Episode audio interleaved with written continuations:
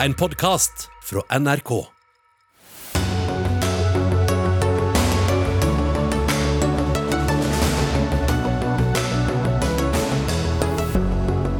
Norge ligger altfor langt bak i vaksineringen, sier ordfører som har tatt saken i egne hender og kontaktet Israel i håp om å få kjøpe noen vaksinedoser.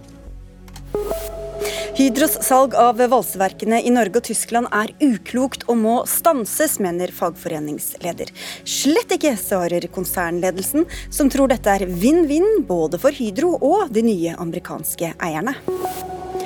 Rusreformen tar viktige verktøy fra politiet, mener Norsk Narkotikapolitiforening. De etterlyser verktøy de ikke har i dag engang, innvender advokat.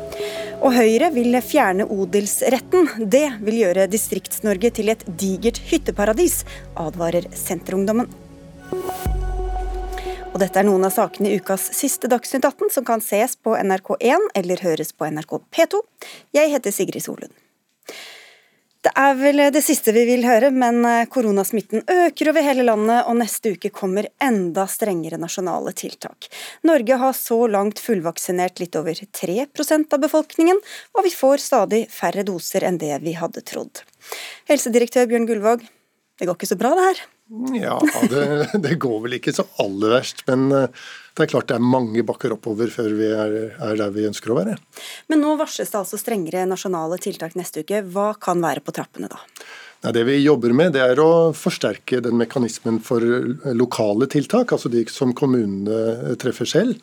En bedre samordning der hvor man har utbrudd mellom eh, de kommunene som eh, ligger rundt utbruddskommunene, og raskere avgjørelser. Sånn at eh, man Eh, raskt også får tatt ned mobiliteten i disse områdene. Og Så eh, har vi også jobbet med eh, hvordan vi kan innrette arbeidet i skoler på en bedre måte, nå med de nye variantene av viruset. Hva, hva betyr det? Nei, det, det betyr at uh, vi må se på disse skoleveilederne med, med uh, gult og rødt uh, nivå, og se om de kan endres litt, slik at Eh, smittevernet blir bedre ivaretatt, eh, samtidig som eh, elevene får være på skolen i, i, størst mulig grad.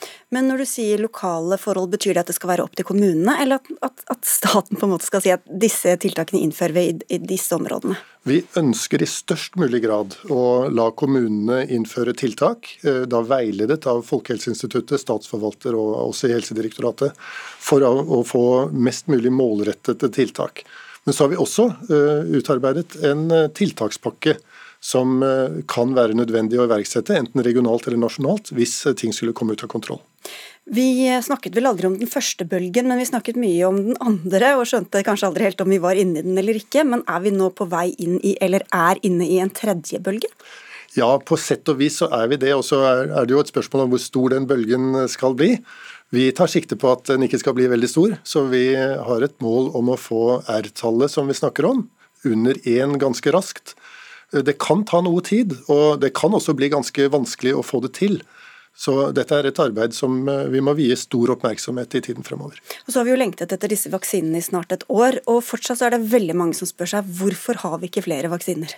Nei, Det er jo naturligvis fordi eh, Europa eh, ikke får flere vaksiner. De, de sender, og vi, vi, får vår andel av de vaksinene som kommer til Europa. Men eh, realiteten er jo at det, det kommer vaksiner løpende nå, og stadig mer. Så vi har fremdeles god tro på at vi frem mot sommeren skal ha vaksinert de aller fleste som er voksne. Og noen har jo gjort egne avtaler. Eh, det er land som ligger veldig langt foran oss når det gjelder vaksineringen. Mange ser til Israel. Ordfører i Sola Tom Henning Slettei fra Fremskrittspartiet, du kontaktet du den norske ambassaden i Israel og spurte om muligheten for å handle vaksiner av dem. Hvorfor gjorde du det? Nei, Jeg kontakta de fordi vi har jo hatt en situasjon her lokalt hvor vi ser at noen kommuner, deriblant Sola, som også for øvrig har en flyplass i regionen å forholde seg til, har eh, mista 3 mens nabokommuner får beholde sine doser. Vi er et felles bo- og arbeidsmarked, og mener derfor vi bør behandles likt. Og når jeg så at eh, Danmarks statsminister og Østerrikes statsminister var på vei til Israel for å forsøke å få flere doser, og jeg hadde en kontakt direkte via den eh, israelske ambassadøren, så tenkte jeg at her må ingenting være uprøvd. eh, og Derfor er det min jobb som ordfører å forsøke å få til, å se om det er mulig å få til noe sånt. Hva var svaret du fikk da? Nei, jeg har ikke fått noe formelt svar ennå, men eh, jeg registrerer at han er positiv. eh, og Derfor må vi se videre på om dette er mulig. Og så er jo jeg helt enig at dette er jo noe som primært bør skje på nasjonalt nivå. Men eh, regjeringen har vært veldig flinke å håndtere krisen til nå. Men på vaksine så må jeg si det virker som vi sakker litt akterut. Vi er litt passive, og da gjør jeg det som jeg prøver å gjøre her. Hva syns du om det initiativet, Gullvåg? Jeg syns det er eh, veldig naturlig og for så vidt flott at eh, ordførere eh, tar et ansvar også lokalt og leter etter alle mulige gode løsninger for sine borgere. Men jeg vil samtidig si at det gjøres en formidabel innsats nasjonalt for å få tilgang på vaksiner. Og, og, og jeg tror også at vi har hatt veldig mye å vinne på nettopp å koble oss til EUs sine løsninger. Men hva hvis han får ja, da? Ja, så øh, øh, vet ikke jeg helt hva konsekvensen av det ja faktisk vil bli for øh, de vaksineplanene vi skal ha i Norge. Men, men Er det lov å bare importere vaksiner sånn på egen hånd? Det vet jeg faktisk ikke. Og det, hva slags avtaler som er mulig å få til, det øh, har jeg heller ikke fullstendig oversikt over. Nei, du aner ikke hva du har satt i gang her, Sletthei? Nei, Jeg registrerer bare at en er flink å skryte av at en har kjøpt 300% for mye doser og skal dele de til andre land. og Da kan jeg ikke forstå noe annet enn det må gå motsatt vei òg. Hvis noen har overskuddsdoser når de er ferdig vaksinert om noen uker, så må jo de òg få lov til å, å, dele med andre land. Og For vår del så vil jeg jo òg helst at dette skjer på nasjonalt nivå. Jeg heier på regjeringen, syns de har gjort en god jobb. Men vi kan ikke sitte og, og se på at vi uke etter uke, måned etter måned blir lovt mer doser, men faktisk ikke får det levert. Det er situasjonen vår lokalt og nasjonalt. Og så, ja. Mm. Vi hørte her Danmark og Østerrike har gjort det. Hvorfor kan ikke Norge nasjonalt gjøre det samme? Da ta, ta et initiativ overfor Israel? Det tas jo mange initiativ fra norsk side også for å forsikre oss om at vi får tilgang på de vaksinene vi kan. Men samtidig så vil det nok være sånn at det å lete hele tiden etter alternative løsninger, det kan også svekke vår posisjon internt i Europa. Hvor Europa jo egentlig har vært ganske sjenerøse med Norge for å gi oss vår andel av de vaksinene som EU har tilgang på.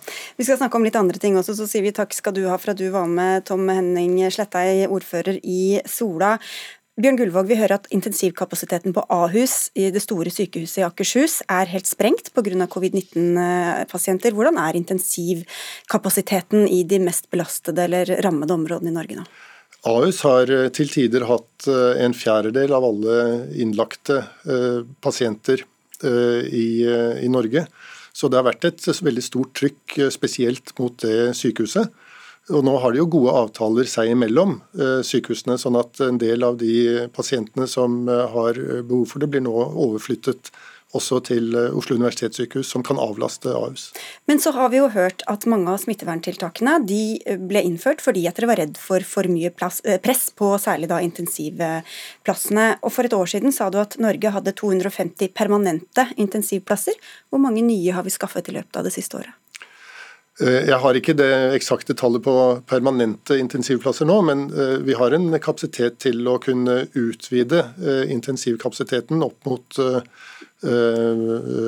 i, helt spesielle situasjoner, over 1000 og opp mot 1200. Men permanente men, vet vi ikke om det har økt i det hele tatt, eller? Det har økt, men jeg har dessverre ikke det tallet her og nå. Nei, Så om det er én, eller om det er 20, eller om det er 50, det aner vi ikke? Jeg har ikke det tallet her. Og så har jo da, som jeg sa, argumentasjonen hele veien vært å ikke overbelaste helsevesenet, ikke bare intensivplassene. Men det er jo først og fremst risikogruppene som det er farlig for. Når de da blir vaksinert, hvorfor ikke åpne opp samfunnet igjen med en gang? Det er fordi at stordelen av de pasientene som trenger intensivbehandling, og som får det, det er uh, egentlig personer i 40-50-60-årene. Som ikke behøver å ha så veldig mye sykdom også. så man kan få veldig veldig mange smittede som har behov for intensivbehandling, selv om man har fått vaksinert risikogruppene. og Derfor er det viktig å holde smittenivået på et lavt nivå inntil man har fått vaksinert også store deler av av befolkningen for øvrig. Men så er det jo noen som har vært så heldige å få vaksiner. Hvorfor kan ikke de, eller Hva kan de gjøre, de som har fått det, som har barnebarn, oldebarn, eller er i andre situasjoner hvor de har lyst til å møte andre mennesker? Ja, For det første så kan det jo være tettere på andre som har blitt vaksinert, eh, og ha et eh, mer normalt forhold til dem. Og så kan de også ha eh, et forhold til et begrenset antall med mennesker som er uvaksinerte, f.eks. i deres egne familier, barnebarn osv. Ok, så det kan de gjøre nå? Ja, når de er fullvaksinerte, så har de muligheter til det, men med en, type, med en forsiktighet. Hvor mange må enten ha hatt covid-19 eller være vaksinerte før, før, det på en måte kan gi en virkning på at, at de selv også kan oppføre seg som normalt og slippe alle mulige smitteverntiltak?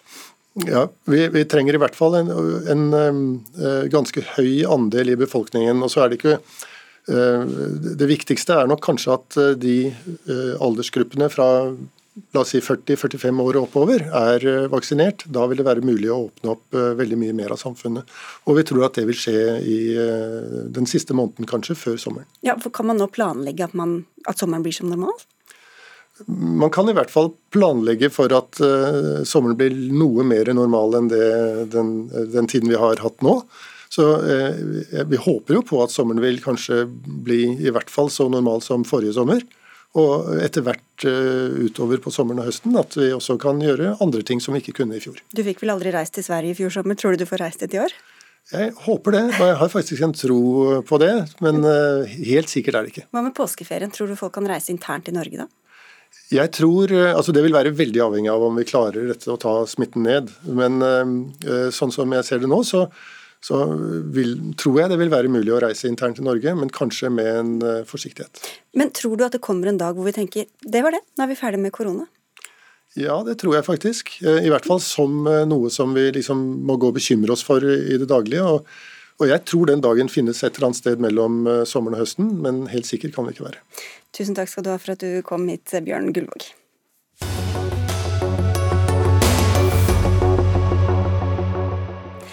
Kritikken mot ledelsen i Norsk Hydro har vært knallhard både fra fagbevegelsen og lokale tillitsvalgte i hele dag. I morges kom nemlig nyheten om at det norske industriselskapet selger valseverkene i Norge og i Tyskland til det amerikanske investeringsfondet KPS eh, Capital Partners. Prisen 14,2 milliarder kroner. Markedet reagerte positivt på salgsnyheten, for Hydro-aksjen har steget i kurs.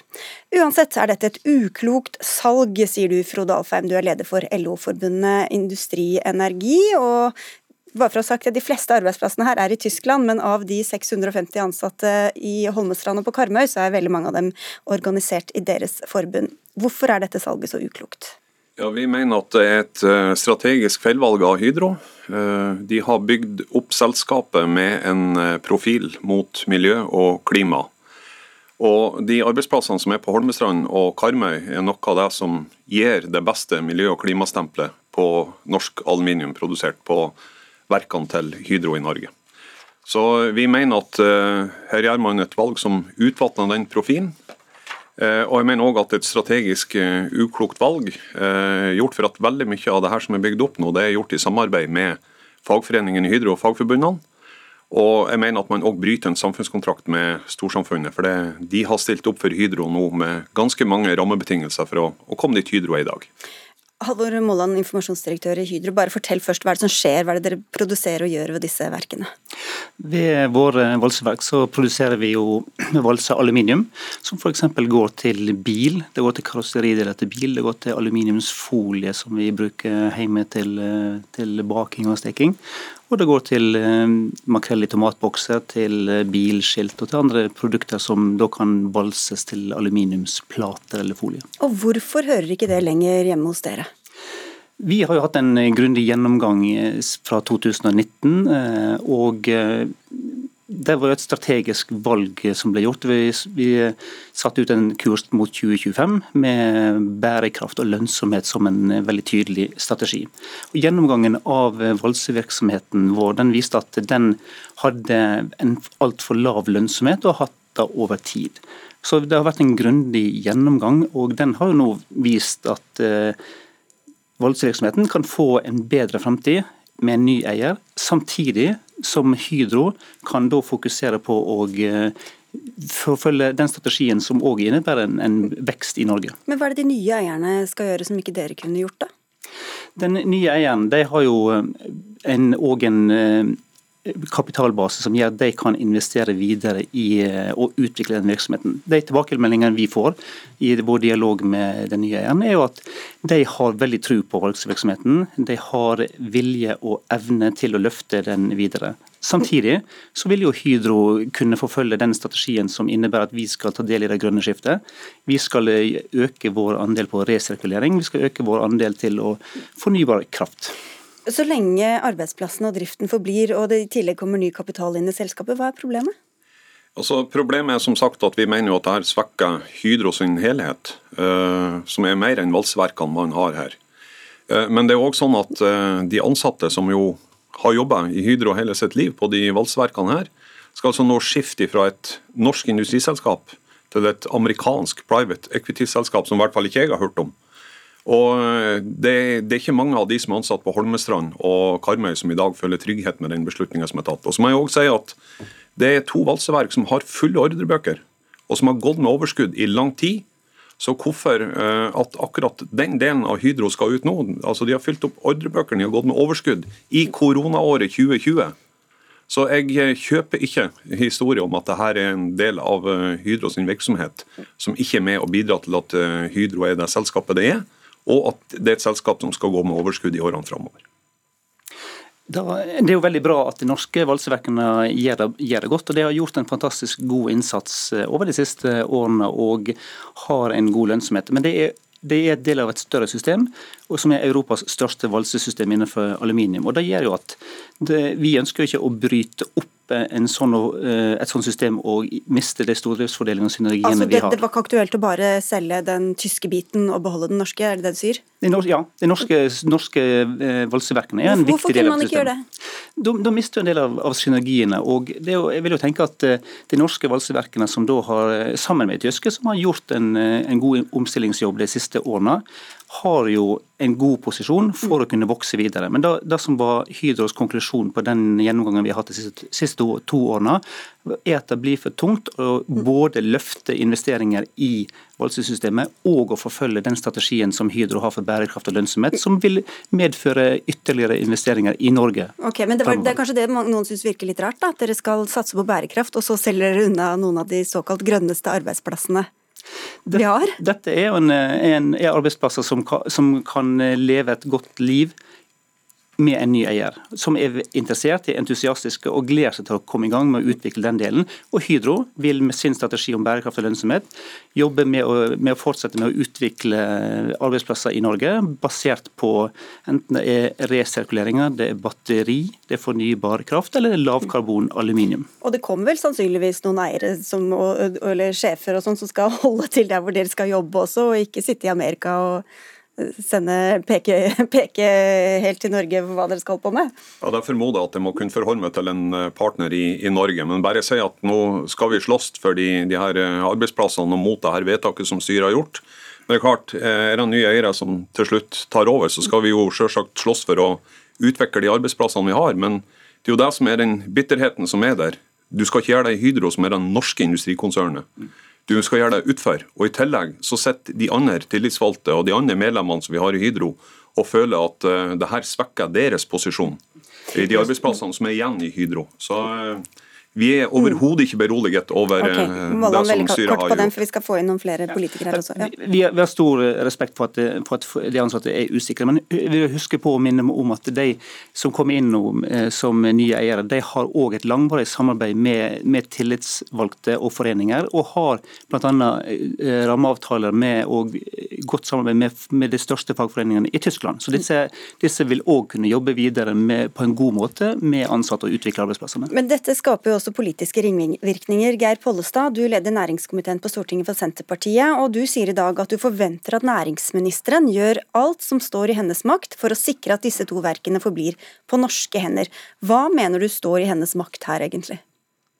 Vi har en historie der eh, en har bygd ned eh, industri i Norge, der det blir eh, solgt ut. Vi ønsker å ha norsk eierskap til den norske industrien. Og Derfor så opplever en næringsminister som er veldig passiv. Vi ønsker en næringsminister som er aktiv. Ja, Men hva står i hennes makt? Hva, hvilke virkemidler mener du hun har? Nei, Hun har 34 eh, av eh, eierskapet. Senterpartiet skulle ønsket at hun hadde 50% Da ville hun hatt makt til å gjort noe med det. Eh, men det er også å se på hva andre muligheter ligger det for at Hydro velger å beholde denne virksomheten. Og så er det når det kommer en, for Det vi frykter, det er jo at når en da skal effektivisere dette nye selskapet, at det vil gå utover bedriftene i Karmøy og i Holmestrand. Men du svarer fortsatt ikke på hva hun egentlig kan gjøre? Nei, Hun kan jo som eier protestere på dette, det er det første. Ja, Vi har 34 av, eh, av aksjene, det er jo ikke nok det? Jo, men det andre er jo å ha en klar holdning om at dette ikke er en ønskelig utvikling. Og det andre tredje er jo å ta en dialog med et Hydro, et selskap som har fått veldig mye eh, statlig støtte på ulike prosjekt.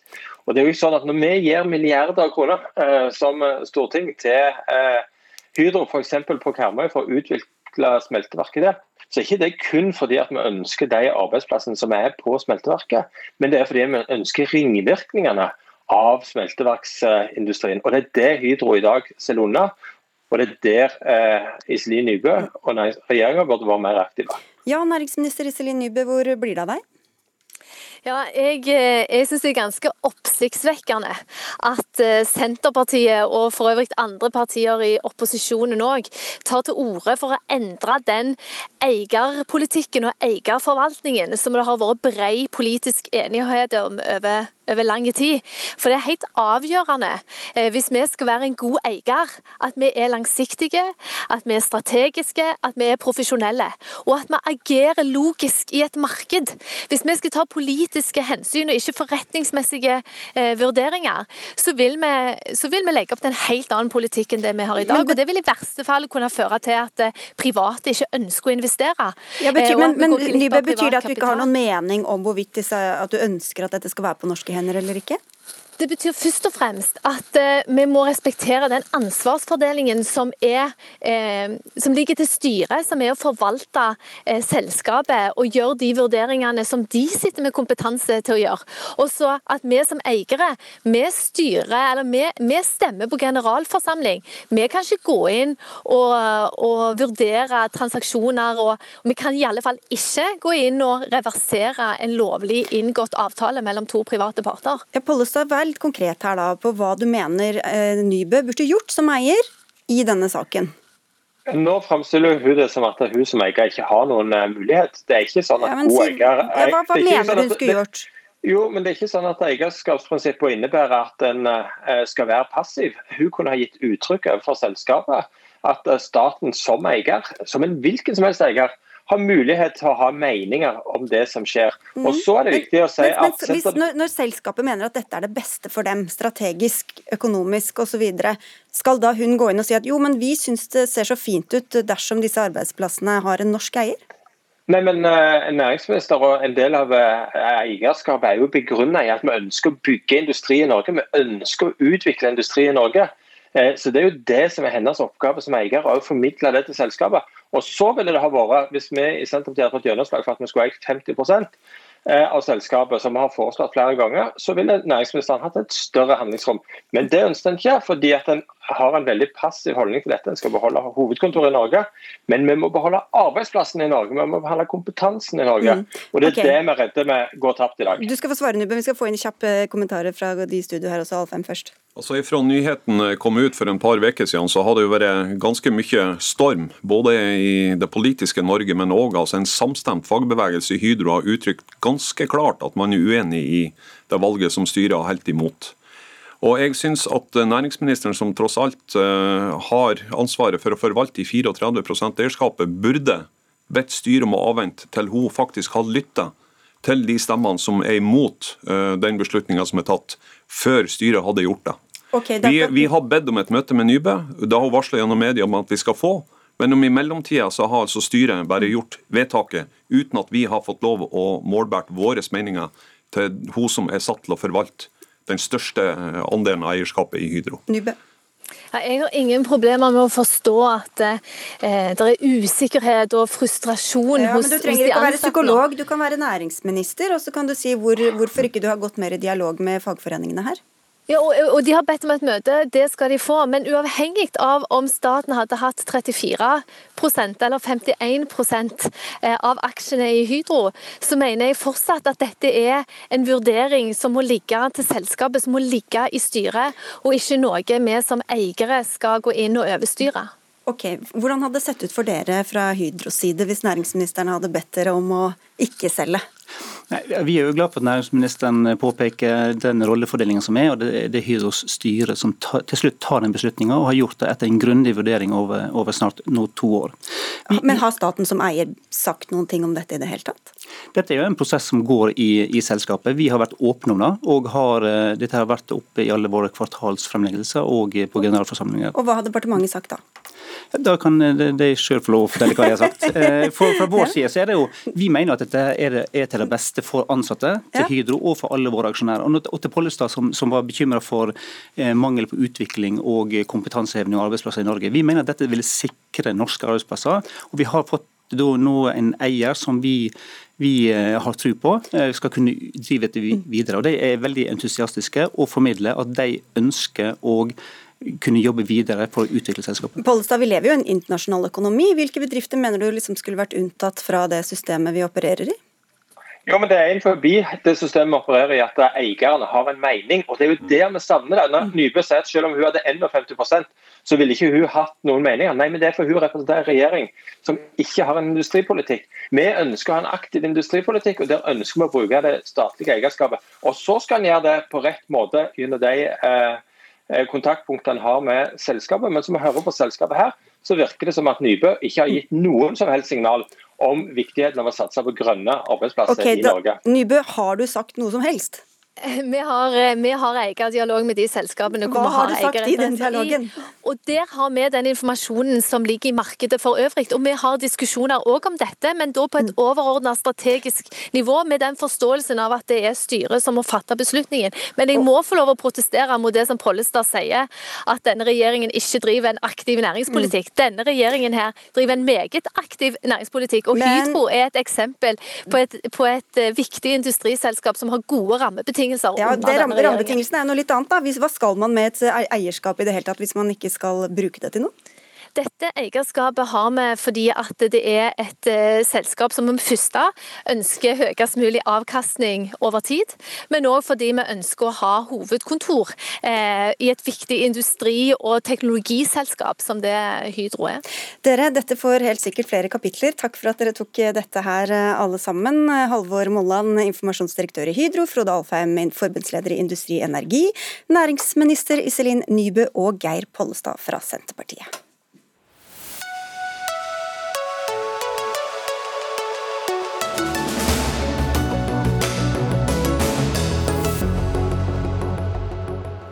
Forslaget til nytt partiprogram går Høyre inn for å fjerne en av Norges eldste lover, nemlig odelsloven. Det vil si at det ikke lenger skal gå automatikk i at bestemte arvinger får fortrinnsrett til å overta familiens gård.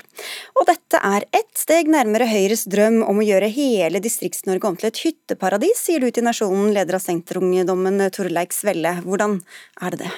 Jo, jeg er redd for at dette her er første steget i å uthule regelverket, og uthule odelsregelverket. Eh, Og sånn som prisene er nå, så er jeg redd for at dersom man slipper mange flere gårder ut for åpent salg, så vil mye jord bli solgt, og så blir gårdene stående igjen som fritidsboliger. Eh, Og jeg mener at det er et selvstendig poeng i seg sjøl at det er lys i husa rundt omkring når de drar ute på norske bygder, og at det er det hele året, ikke bare i påske og rundt vinterferietider. Men bare nysgjerrighet, hvor er det Høyre har sagt at de drømmer om å gjøre hele Distrikts-Norge om til et hytteparadis? Jeg opplever dette forslaget her absolutt som et steg i en retning om å ønske Men å de har ikke sagt det sånn rent formelt. Jo, men er, jeg tror det er det konsekvensene her kommer til å bli. Ders- Dersom man tar vekk odelsloven sånn som det er foreslått. Hvorfor er dette en god idé, Ingrid Kristine Berge, du er sentralstyremedlem i Unge Høyre? Ja, jeg mener jo at vi trenger ikke en lov som sier at fordi du er født først og fordi du er eldst i søskenflokken, så har du automatisk bedre odel enn eh, småsøsknene dine. Jeg tror at bønder og familier klarer å finne veldig gode løsninger på det her selv. Og jeg tror at bønder har lyst til å overdra gården til noen i familien, men også den som er best egna til å overta gården. Og det er ikke noe vi politikere eller staten trenger å legge oss opp i, syns jeg. Jeg syns det her blir en veldig rar måte å argumentere på. fordi jeg tror at familier finner veldig godt ut av dette her sjøl. Eh, og Det er det åpning for i regelverket sånn som det er nå. Eh, dersom den eldste broren drømmer om å bli tømrer, og en eh, datter nummer to ønsker å bli bonde, så går det helt fint an å finne løsninger for det innenfor det regelverket som ligger nå. Men det man sikrer med odelsloven, er jo at flest mulig gårder skal gå videre og drives videre. Og så mener jeg også at det er viktig at ikke altfor mange gårder blir lagt ut på åpent salg, fordi lønnsomheten i landbruket nå er ikke god nok. For Hva ville skjedd da hvis man fjerna odelsloven, liksom tegn da kartet for hvordan eh, du tror det ville blitt i praksis? Jo, noe av utfordringen her er jo lønnsomheten i landbruket i dag. Den er veldig veldig dårlig. Eh, og dersom flere gårder ikke, altså det ikke blir tatt på odel, det er jo mye rimeligere å ta en gård på odel enn når den selges på det åpne markedet, så setter folk seg veldig stor gjeld. Eh, fordi det vil være veldig dyrt å kjøpe den massen til markedspris. Eh, og når man da skal klare å drive noe lønnsomhet, kanskje man må pusse opp litt etter forrige generasjon, gjøre investeringer i tillegg, så vil ikke lønnsomheten være god nok. Eh, og Da tror jeg at et alternativ kommer til å være at deler av gården blir skilt ut, og at jorda blir solgt videre til de som driver rundt, og så blir gården som står igjen, hytta. Hvorfor er ikke du redd for det?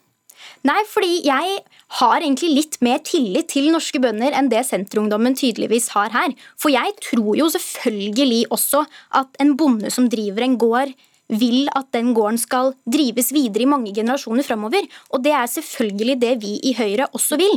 Men vi trenger ikke en lov nedfelt i Grunnloven for at bønder skal ha lyst til å, til å, drive gården videre. Men det er vel ikke nødvendigvis tilliten til bøndene Senterungdommen eh, viser, mangel, altså, viser manglende tiltro til, men at, at, systemet, at rammevilkårene er sånn at det er bare sånn det blir? Ja, og jeg eh, tror ikke at at, eh, at, det kommer til å, å bli sånn.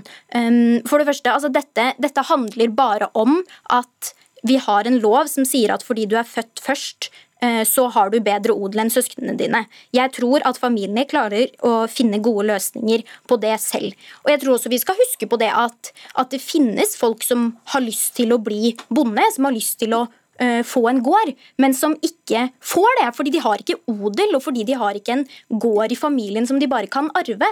Og, det, og da er det også ganske vanskelig å, å få tak i en gård. Og selv om jeg mener at det beste er om en gård Eh, forblir i familien, så tror ikke jeg at det at man selger en gård gjør at det automatisk blir en fritidsbolig og hytter. Fordi det finnes også mennesker i Norge som har lyst på en gård selv om de ikke har odel.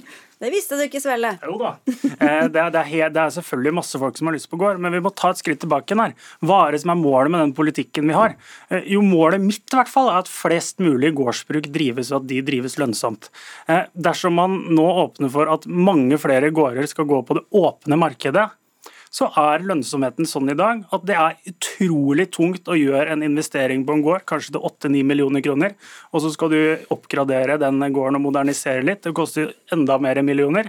Og så er ikke lønnsomhet i landbruket der nå. Eh, og så jo, henger jo det sammen med at Høyre nå har kjørt en politikk over tid som ønsker å gjøre bruk større.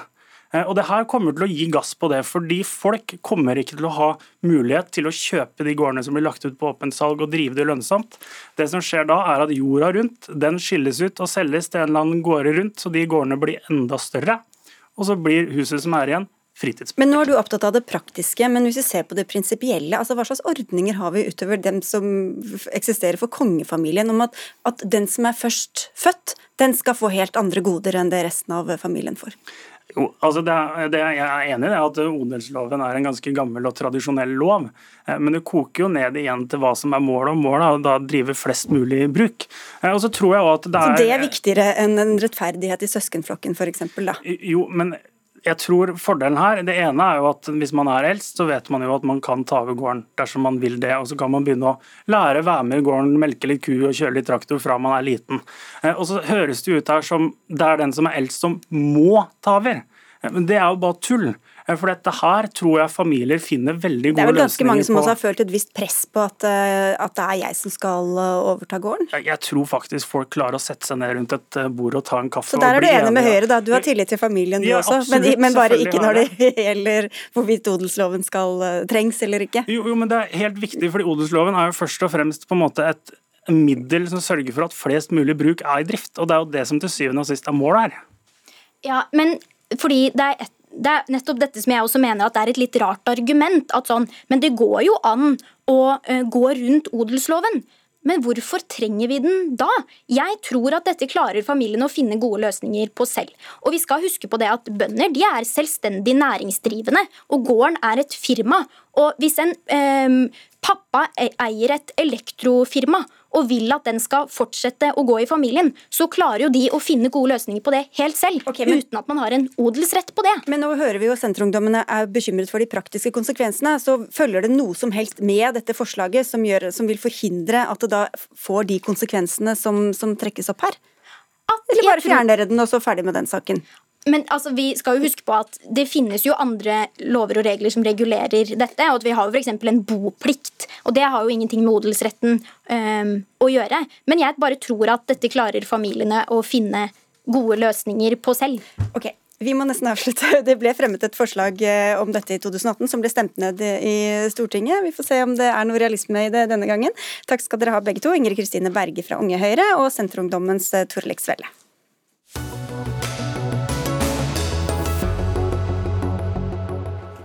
Rusreformen skaper begeistring og bekymring. Nylig foreslo regjeringa å avkriminalisere mindre doser narkotika, men i et innlegg i Bergens Tidende frykter dere at eh, denne reformen kommer til å ta fra politiet viktige verktøy for å hindre unge mennesker i å få narkotikaproblemer. Jan Erik Bresil, du er styreleder i Norsk Narkotikapolitiforening, og dere representerer ikke politiet, men dere har medlemmer blant politifolk, blant annet. Hva frykter dere, eller mener dere, at dere kan gjøre i dag, som dere ikke vil kunne gjøre etter en eventuell rusreform? Nei, Først og fremst vi er jo for en reform, men det er denne typen reform hvor vi da vil miste veldig mye verktøy, fordi at man plukker ut alt av strafferetten og legger det over i helselovgivningen. Og Politiet har i dag en del verktøy som man eh, trenger for å gjøre den jobben som kalles å avdekke. Og både de som er motstandere og for denne reformen, jeg er helt enig om at noe av det viktigste politiet gjør, det er jo faktisk å finne folk der ute og avdekke. Men denne, altså måten man gjør denne reformen på, gjør at man da mister de verktøyene. Og Hvilke verktøy er det? Det kan f.eks. være ransaking. Altså det kan være ransaking av person. Det kan være f.eks. ransaking av en mobiltelefon, av steder. Det kan være dokumentasjon av rus, f.eks. gjennom en spyttprøve for å vise at noen har brukt den og den type rusmidler. Så Dette er noen eksempler, i tillegg til bekymringssamtalen, som er et forebyggende verktøy som krever at noe er straffbart, hvor man kan kalle inn barn og unge til, med foreldre da, utenom straffesakssporet. Dagfinn Hessen Paus, du er advokat og du er fagansvarlig i foreningen Tryggere ruspolitikk, som ivrer for reform også, og avkriminalisering. Hvorfor er ikke du bekymret for innholdet i verktøykassa til politiet? Fordi eh, jeg opplever at eh, mye av den eh, egentlig ganske organiserte motstanden jeg ser fra, fra deler av politiet mot denne reformen, bygger på til dels misforståelse av hva som er foreslått, virker det som, og også misforståelse av hva de har lov til å gjøre i dag, som da får betydning for hva, hva endringen faktisk blir da, i lovverket. Så Vi er alle enige som Jan Erik sier, om, om at avdekking er viktig. Vi skal, vi skal avdekke personene som bruker rusmidler for å kunne gi dem hjelp. Men avdekking blir jo lettere med rusreformen. Så disse lovbruddene som tas ut av strafferetten, eh, vil da ikke medføre straff lenger. Så den frykten som brukere har i dag for å komme i kontakt med apparatet, og spesielt politiet, den vil bli redusert. For det andre så senkes det såkalte beviskravet. Sånn at det som kreves av bevis for å oppklare lovbruddet, vil være vesentlig mindre. Det vil være det samme som det som kreves i dag for å iverksette ransakelse. Hvordan da? Forklar det. Hvordan det vil slå ut. Det vil slå ut slik at i dag så må eh, politiet ha sannsynlighetsovervekt før de kan gå til disse straffeprosessuelle tvangsmidlene som de kalles, altså ransakelse og, og, disse andre verktøyene som vi snakker om her.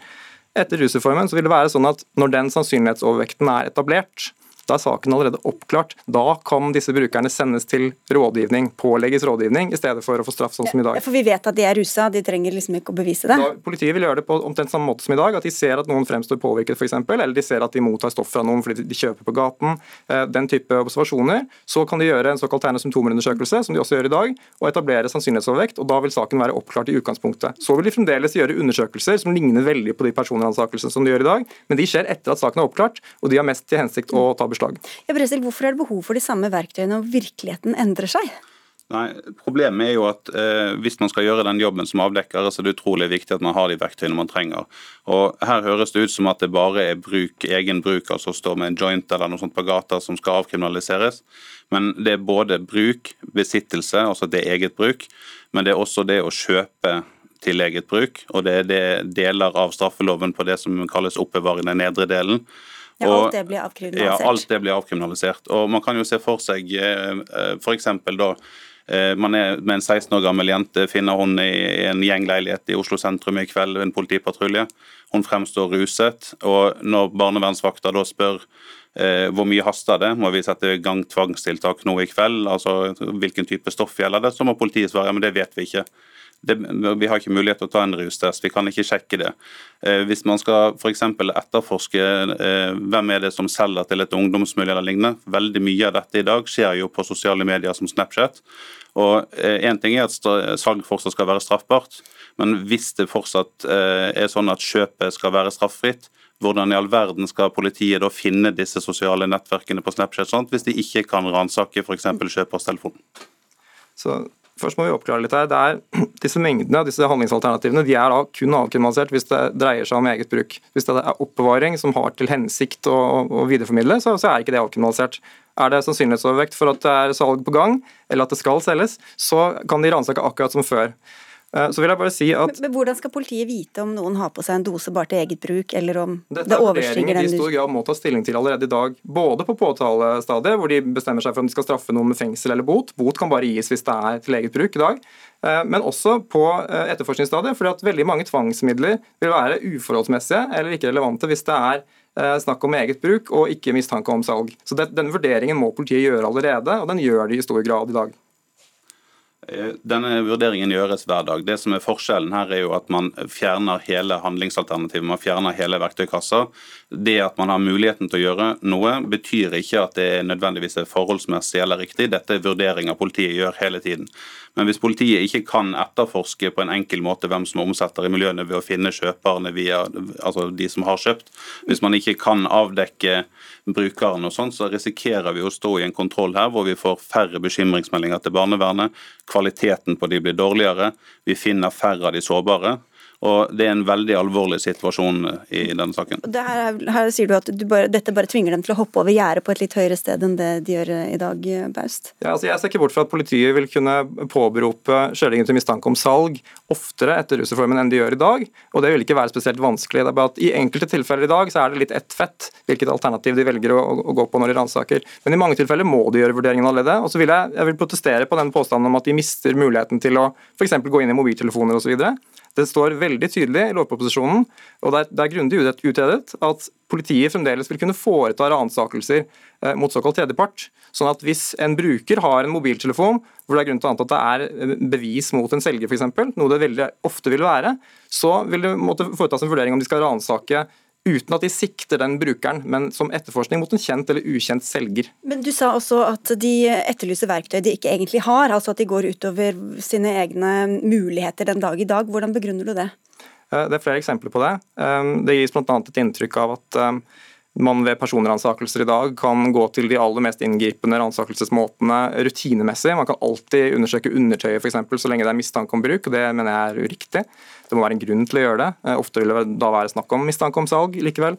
Um, det er f.eks. spørsmål om husransakelse. I dag er det relativt stor enighet om at de minste mengdene narkotika som antas å være til eget bruk eller mistanke om bruk, ikke er grunnlag for å foreta en husransakelse. Og når noen påtreffes med stoff utenfor hjemmet, og det egentlig bare er mistanke om denne isolerte besittelsen, så er ikke det heller et, et sakligere ransakingsformål, for det er ikke noe som oppklarer den, det lovbruddet der hjemme. Det som er viktig her er at Alle tvangsmidler er underlagt en streng eh, legalitetskontroll av dine kollegaer jurister som er politiadvokater. og sånt. Selv om politiet på stedet beslutter at det haster så mye at man velger det, så vil dette bli kontrollert i ettertid. Og disse eh, Problemstillingene som vi snakker om her, det gjelder all type tvangsmiddelbruk. Eh, forskjellen vil her være at hvis man fjerner strafferammen, så har man ikke anledning til å bruke det når det ville være forholdsmessig, når det ville være riktig. Man risikerer å finne færre barn der ute som trenger hjelp, og man risikerer at dette går veldig utover det arbeidet med å jobbe mot organisert kriminalitet og mot salg. Og bekymringsmeldinger til barnevernet, altså en forsvarsansatt som blir eh, tatt ut i, i rusmiljøene, så spør, spør, man ja, hva har han brukt, vi kan ikke svare. En gravid rusmisbruker, man spør hva har han brukt, hvor mye haster det for det ufødte barnet, vi kan ikke svare. Dette er utrolig viktige verktøy. og Hvis man har en enighet om at politiet faktisk skal drive en avdekning her for å finne de som er sårbare der ute, så er det utrolig viktig at man beholder de verktøyene man da trenger. Og jeg tenker Det er utrolig viktig at vi har fokus på det som er liksom kjernen her. og det er jo at Én ting er å vurdere om det er forholdsmessig, men i denne situasjonen sånn som det er foreslått nå, så vil man fjerne det i sin helhet. Og vi risikerer at det vil gå utover mange generasjoner med barn fremover. Ok, paus til slutt på det. Hvis man leser den kronikken som NPF kom med for et par dager siden i Bergens Tidende, så illustrerer de et eksempel hvor eh, det er helt umulig å forestille seg at det de gjør, gitt den informasjonen som man gir i kronikken, eh, er innenfor dagens lovverk. Så vil jeg bare si at Mange av disse opplysningene som man sier at barnevernet trenger, de vil man fortsatt kunne gi til barnevernet, fordi man vil fortsatt kunne foreta disse tredjepartsansakelsene som jeg snakket om. Og barnevernet vil også selv kunne gå til rustesting av ungdom, akkurat som de gjør i dag. Greit, veldig kort. Ja, veldig kort. Ja. Eh, tredjemannsransaking som beskrives her, det er ransaking av personer som er uskyldige, som ikke har gjort noe. Det er ment som en unntaksbestemmelse og kan ikke brukes eh, her i veldig mange typer tilfeller. Forholdsmessigheten for å ransake hos en som på en måte ikke har gjort noe straffbart, vil jo selvfølgelig være veldig vanskelig å få oppnådd. Juristen hos Riksadvokaten er ikke enig. Nå skal dette, dette altså behandles politisk. Jeg vil anta at dere begges foreninger kommer med innspill til, til departementet her. Dagfinn Hessen Paust fra Foreningen Tryggere ruspolitikk og jurist der, takk skal du ha for at du kom, og takk til deg, Jan Erik Bresil, styreleder i Norsk Narkotikapolitiforening.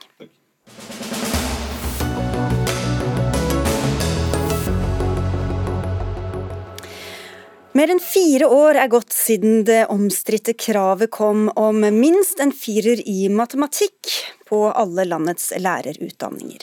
Nå viser en ny rapport fra forskningsinstituttet NIFU at hele seks av sju utdanningsinstitusjoner er motstandere av dette karakterkravet. Blant andre dere ved Oslo OsloMet Storbyuniversitetet, hvor du er rektor Kurt Rice. Hvilke konsekvenser mener dere at dette kravet har fått de siste årene? Altså det er klart at Den, den tydeligste konsekvensen som, som, dette kravet har fått, er at studenter som har høy snitt, men som har dårlig karakter i matematikk, ikke kommer inn på lærerutdanning. Og Det er veldig viktig å understreke at det kravet der gjelder uansett hva du skal undervise. Så Ønsker du å bli norsklærer, så må du likevel ha fire i matematikk. og Det sliter vi med å skjønne. og studenter fra videregående, elever fra videregående som har veldig høy snitt, som ønsker å bli norsklærer, de kommer ikke inn hvis de er for dårlige i matematikk. Ja, hvordan har dere merket det på studentmassen og på, på søkningen til studiet? Altså det som skjer er at det systemet som vanligvis gjelder, nemlig at den med best karaktersnitt kommer inn, gjelder ikke i dette tilfellet. Og Da kan det bety at man har, i den grad de karakterene betyr kvalitet, at man får lavere kvalitet i studentmassen. Det var vel ikke det som var hensikten, Henrik Asheim, forsknings- og høyere utdanningsminister, og det var dere som bestilte den rapporten. Men du sier at så lenge Høyre sitter i regjering, er det uaktuelt å fjerne kravet. Så samme av hvordan den virker, så skal den forbli.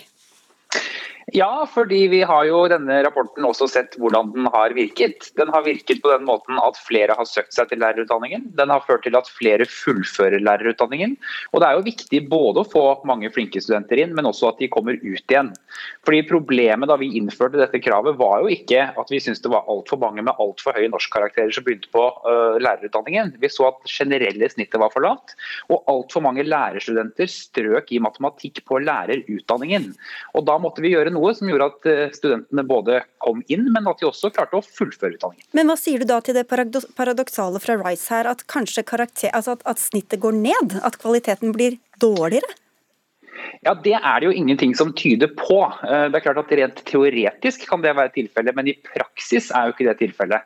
I praksis er det slik nå at de som søker lærerutdanningen, det blir det flere av, og de har et høyere karaktersnitt.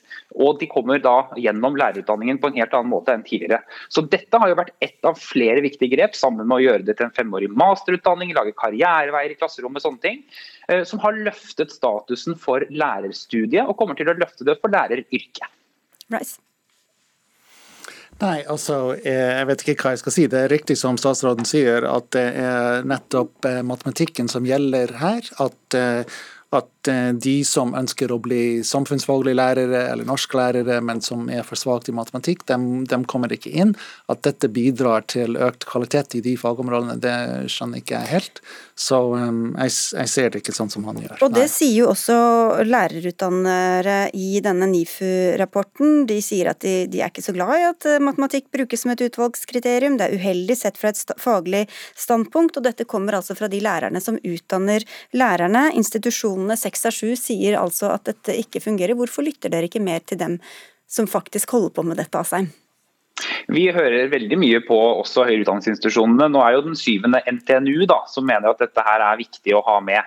Og ja, de sier at, at det har ikke hatt noe å si for dem, fordi at de har så høyt snitt fra før av uansett.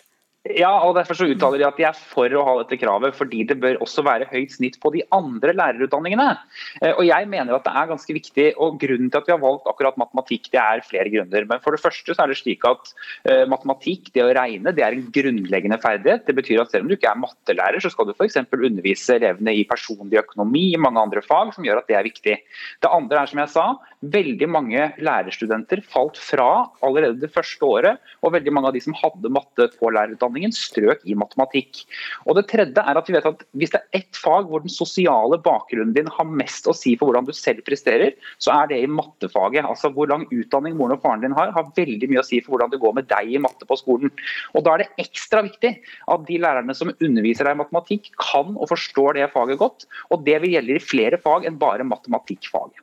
Det er eh, mange på Stortinget eller flere partier som har gått inn for å fjerne krav, og dere har vel egentlig vært imot hele veien, Mona Fagerås. Du sitter eh, på, i utdannings- og forskningskomiteen for eh, SV. Hva mener du at denne rapporten viser? Nei, Det er veldig frustrerende å sitte og se på at eh, en elev kan ha 5,2 i snitt, men likevel ikke komme inn på lærerutdanninga. Vi vet jo det at lærerutdanninga i dag den er blitt så, så, spesialisert at du skal kanskje bare undervise i to eller tre fag. Eh, kanskje du aldri skal undervise i matematikk, likevel så må du ha denne fireren ifølge dagens regjeringer. Eh, og jeg mener at firekravet i matematikk er ren symbolpolitikk fra regjeringas side. Det er en skandale at de skroter lærerdrømmen til tusenvis av motiverte og kvalifiserte ungdommer eh, i en tid da vi faktisk har en krise. Norsk skole skriker etter eh, kvalifiserte lærere. Men du sier at det er blitt mer spesialisert, og samtidig så jo, er jo fagene også mer integrert i hverandre. Så selv om ikke du skal undervise matematikk, så er det kanskje veldig greit å kunne det hvis du skal undervise i samfunnsfag eller naturfag eller i kroppsøvning eller andre, andre fag. Men jeg nekter å være med på at du blir en bedre lærer hvis du har eh, fire i matematikk istedenfor tre. Jeg tror det er helt andre kvalifikasjoner som gjør at du blir en god lærer. Og jeg syns jo det er trist å høre på en, en eh, minister, for jeg hadde trodd at jeg og Asheim kunne være enig i at alle elever i norsk skole fortjener en kvalifisert lærer. Men her stikker altså regjeringa hodet i sanda og nekter å være med på at eh, dette diskvalifiserer veldig mange. Altså en Forklar for alle som ikke forstår. Hvorfor trenger man så høy karakter i matematikk hvis man ikke skal ha noe som helst med matematikk å gjøre? Man trenger karakteren 4 i den enkleste formen for matematikk fra videregående skole, eller karakteren 3 i den litt mer avanserte. Dette er ikke et ellevilt høyt krav, men det er altså et fag som er integrert i mange ulike fagretninger. og Derfor er det ganske viktig at man også har en grunnleggende kompetanse. Og så er jeg helt enig med Mona Fagerås i at det viktige er jo hvor mange lærere vi får inn i norsk skole. Og vi får flere. Fordi de fullfører og de består lærerstudiet. De kommer ut igjen på andre siden, både med en master i hånda, men også ferdig utdannet. Det må jo være vårt felles mål, Mona Fagerås, at vi også får kandidater inn som klarer å fullføre studiet og komme ut. Men det er jo ledige studieplasser ved mange institusjoner i dette landet, og, og det er nettopp det som er en del av problemet her. Jeg kan gjerne være enig med ministeren at eh, kompetanse i matematikk er viktig. Det er jo viktig for alle, og det vil jeg aldri si noe imot. Men enda mer viktig er at norske barn og skoleelever har kvalifiserte lærere, og vi klarer ikke å fylle på nasjonal basis lærerutdanningsstudieplasser, og det bør vi kunne gjøre. Og dette er bl.a. en av de tingene som ja, At de har lærere i det hele tatt av seg, er vel kanskje bedre enn at de har noen, som, noen få som har firer eller, eller bedre innen matematikk? Jeg skal helt ærlig innrømme, Hvis vi sto i valget mellom å ha lærere eller å ha dette kravet, så ville jeg vært enig med deg. Men det gjør vi ikke. Vi utdanner stadig flere lærere. Vi har også en lærertetthet som er veldig høy, men vi trenger flere lærere i norsk skole. Og Jeg kommer aldri til å bli med på den holdningen til lærerutdanningen som disse to her nå har nå. Nemlig at så lenge vi trenger å utdanne flere, så kan vi jenke på forventningene og kravene for å bli lærer. Nei, vi skal øke statusen til læreryrket, slik at vi kan rekruttere flere. slik at det er på mange vi skal, faktisk, vi skal faktisk utdanne disse lærere. De skal tross alt være fem år med oss pga. den reformen Altså det skjer noe i mellomtiden, mener du? Mellom de går ut av videregående? Vi skal klare å gi dem også en grunnleggende kompetanse okay, men, i matematikk mens de er hos oss. Men ta den til Fagerås, fordi de skal jo fullføre, da. Og det er mange som ikke har gjort det. Men nå øker den graden, hører vi i Fagerås, av de som faktisk går gjennom. Og, da, og, hvorfor veier ikke det opp for det negative, da? At, at du faktisk får uh, lærer i den andre enden? Jo, men det er jo et, et resultat vi ser på veldig mange studier, at eh, studentene fullfører i større grad. Så det kan jo være mange årsaker til. Og jeg tror ikke firekravet i matematikk på lærerutdanninga er en grunn til at, at, så mange flere fullfører i dag. Det har nok Hvorfor noe med ikke? Nei, jeg tror at det har mer med liksom dagens ungdom og eh, generasjon prestasjon, og at det kan være andre ting som spiller inn på, på akkurat det. Men det er bare noe du tror, det aner du ikke noe om? Nei, altså det er jo vanskelig å, å si, og, men det kan heller ikke ministeren ane noe mm. Nei, altså, altså, altså det, er jo, det er jo sånn at vi er veldig opptatt av gjennomstrømning, og vi har eh, tatt initiativ til mange tiltak som skal hjelpe studentene til å eh, opprettholde sin status som studenter og komme seg gjennom. Det har med måten de blir møtt på på universitetet, det har med måten de blir tatt vare på på mm. universitetet, det har ikke med hva slags karakter de har i matematikk. Nei, for, høre, altså, for dette var jo argumentet ditt i stad også. Hvordan vet du at disse tingene henger sammen? Nei, altså Det vi vet, og som NIFU-rapporten viser, det er at hvis du har, et, har, bedre karakterer fra videregående, så øker du både produksjonen av studiepoeng og du fullfører enklere høyere utdanning. Det er ikke rakettforskning. Det Nei, for det handler vet, om hva slags disiplin du har, f.eks., og evne til å skaffe deg kunnskap osv. Og så viser NIFU-rapporten at da vi innførte økte opptakskrav til lærerutdanningen, altså høyere snitt for å komme inn, fordi flere måtte ha fire matte for å komme inn, så økte også gjennomføringen i lærerutdanningen. Og Da er jo den slutningen ganske enkel å trekke, i hvert fall enklere enn å bare si at nei, vi aner ikke hva det kommer av. Når forventningene øker, så øker også gjennomføringen. Så jeg er helt enig med Kurt Rice i at det er mange ting som gjør at studentene fullfører. Men det å ha høye forventninger til de som begynner på studiet, har selvfølgelig noe å si for om de fullfører det. Men det, er to mot én her, så men, Asheim, til det Kurt Rice sa. Altså, hvorfor har du ikke større tillit til institusjonene, da? At de klarer å løfte de områdene som kanskje ikke var så gode i utgangspunktet, om det så da var i matematikk, i løpet av de fem årene de skal gå der? Jo, men Det er jeg helt sikker på at de har gode evner til å gjøre. Men vi snakker jo ikke sånn om noen annen utdanning. Altså, Vi snakker jo ikke sånn om ingeniører eller leger eller advokater eller sykepleiere, men vi snakker sånn bare om lærere. at Da har det liksom ingenting å si hvilke elever som søker seg til lærerutdanningen, for hvem som kommer ut av den. På alle de andre så er det jo høye snitt for å komme inn, og da er det ingen som syns det er hårreisende i det hele tatt. Men akkurat på lærer så høres det ut som at hvem som helst kan bli lærer, og det er dypt uenig i. Det er av de vanskeligste og viktigste jobbene vi har, ikke minst for barna våre. Det er dere helt sikkert enig i, men dette er litt langsiktig, da, Fagerås, at det skal også øke statusen på sikt? Ja, men jeg vil minne ministeren om at ved høstens eh, opptak så var det dramatisk nedgang i, i høstens opptak på, på, antall læreplasser. Og Det tar han ikke med seg i denne omgangen. Jeg vil også be ministeren om å lytte. Lytte til sektoren, lytte til lærerorganisasjonene, og ta tallene fra Statistisk sentralbyrå inn over seg. De sier at vi vil mangle 5800 lærere i 2040 eh, hvis vi ikke gjør noen drastiske tiltak. Da skal du få lytte, og så skal du få svare, av seg i løpet av 30 sekunder. Ja, altså Jeg må jo bare gjenta mitt poeng om at jeg er helt enig i at vi skal utdanne flere lærere. og Derfor skal vi sørge for at de også blir ferdig på lærerutdanningen, og det gjør de nå. Okay. Men det andre er selvfølgelig at vi skal, vi skal alltid interesseres for forskning og kunnskap, men dette er også politikk. SV går til valg på å fjerne og redusere de forventningene vi har til lærerstudenter. Det er vi uenig i. Og derfor sier jeg, så lenge Høyre sitter i regjering, så kommer disse kravene til å bestå. Nå er det flere som rister på hodet i studiet her. Du-? Vi, vi vil ha sterkt kvalifiserte lærerkandidater, og det kan vi få ved å, ved å ta opp de etter karaktersnittet, ikke om Og eh, snart skal vi søke oss, eller i hvert fall ikke jeg, men mange andre søke seg til høyere utdanning. Takk skal dere ha alle tre for at dere var med i denne fredagens Dagsnytt 18, som nå er ved veis ende. Det var Anne Katrine Førli, Lisbeth Sellreite og jeg, Sigrid Solund, som hadde ansvaret for den, og vi ønsker en riktig fin helg og kveld.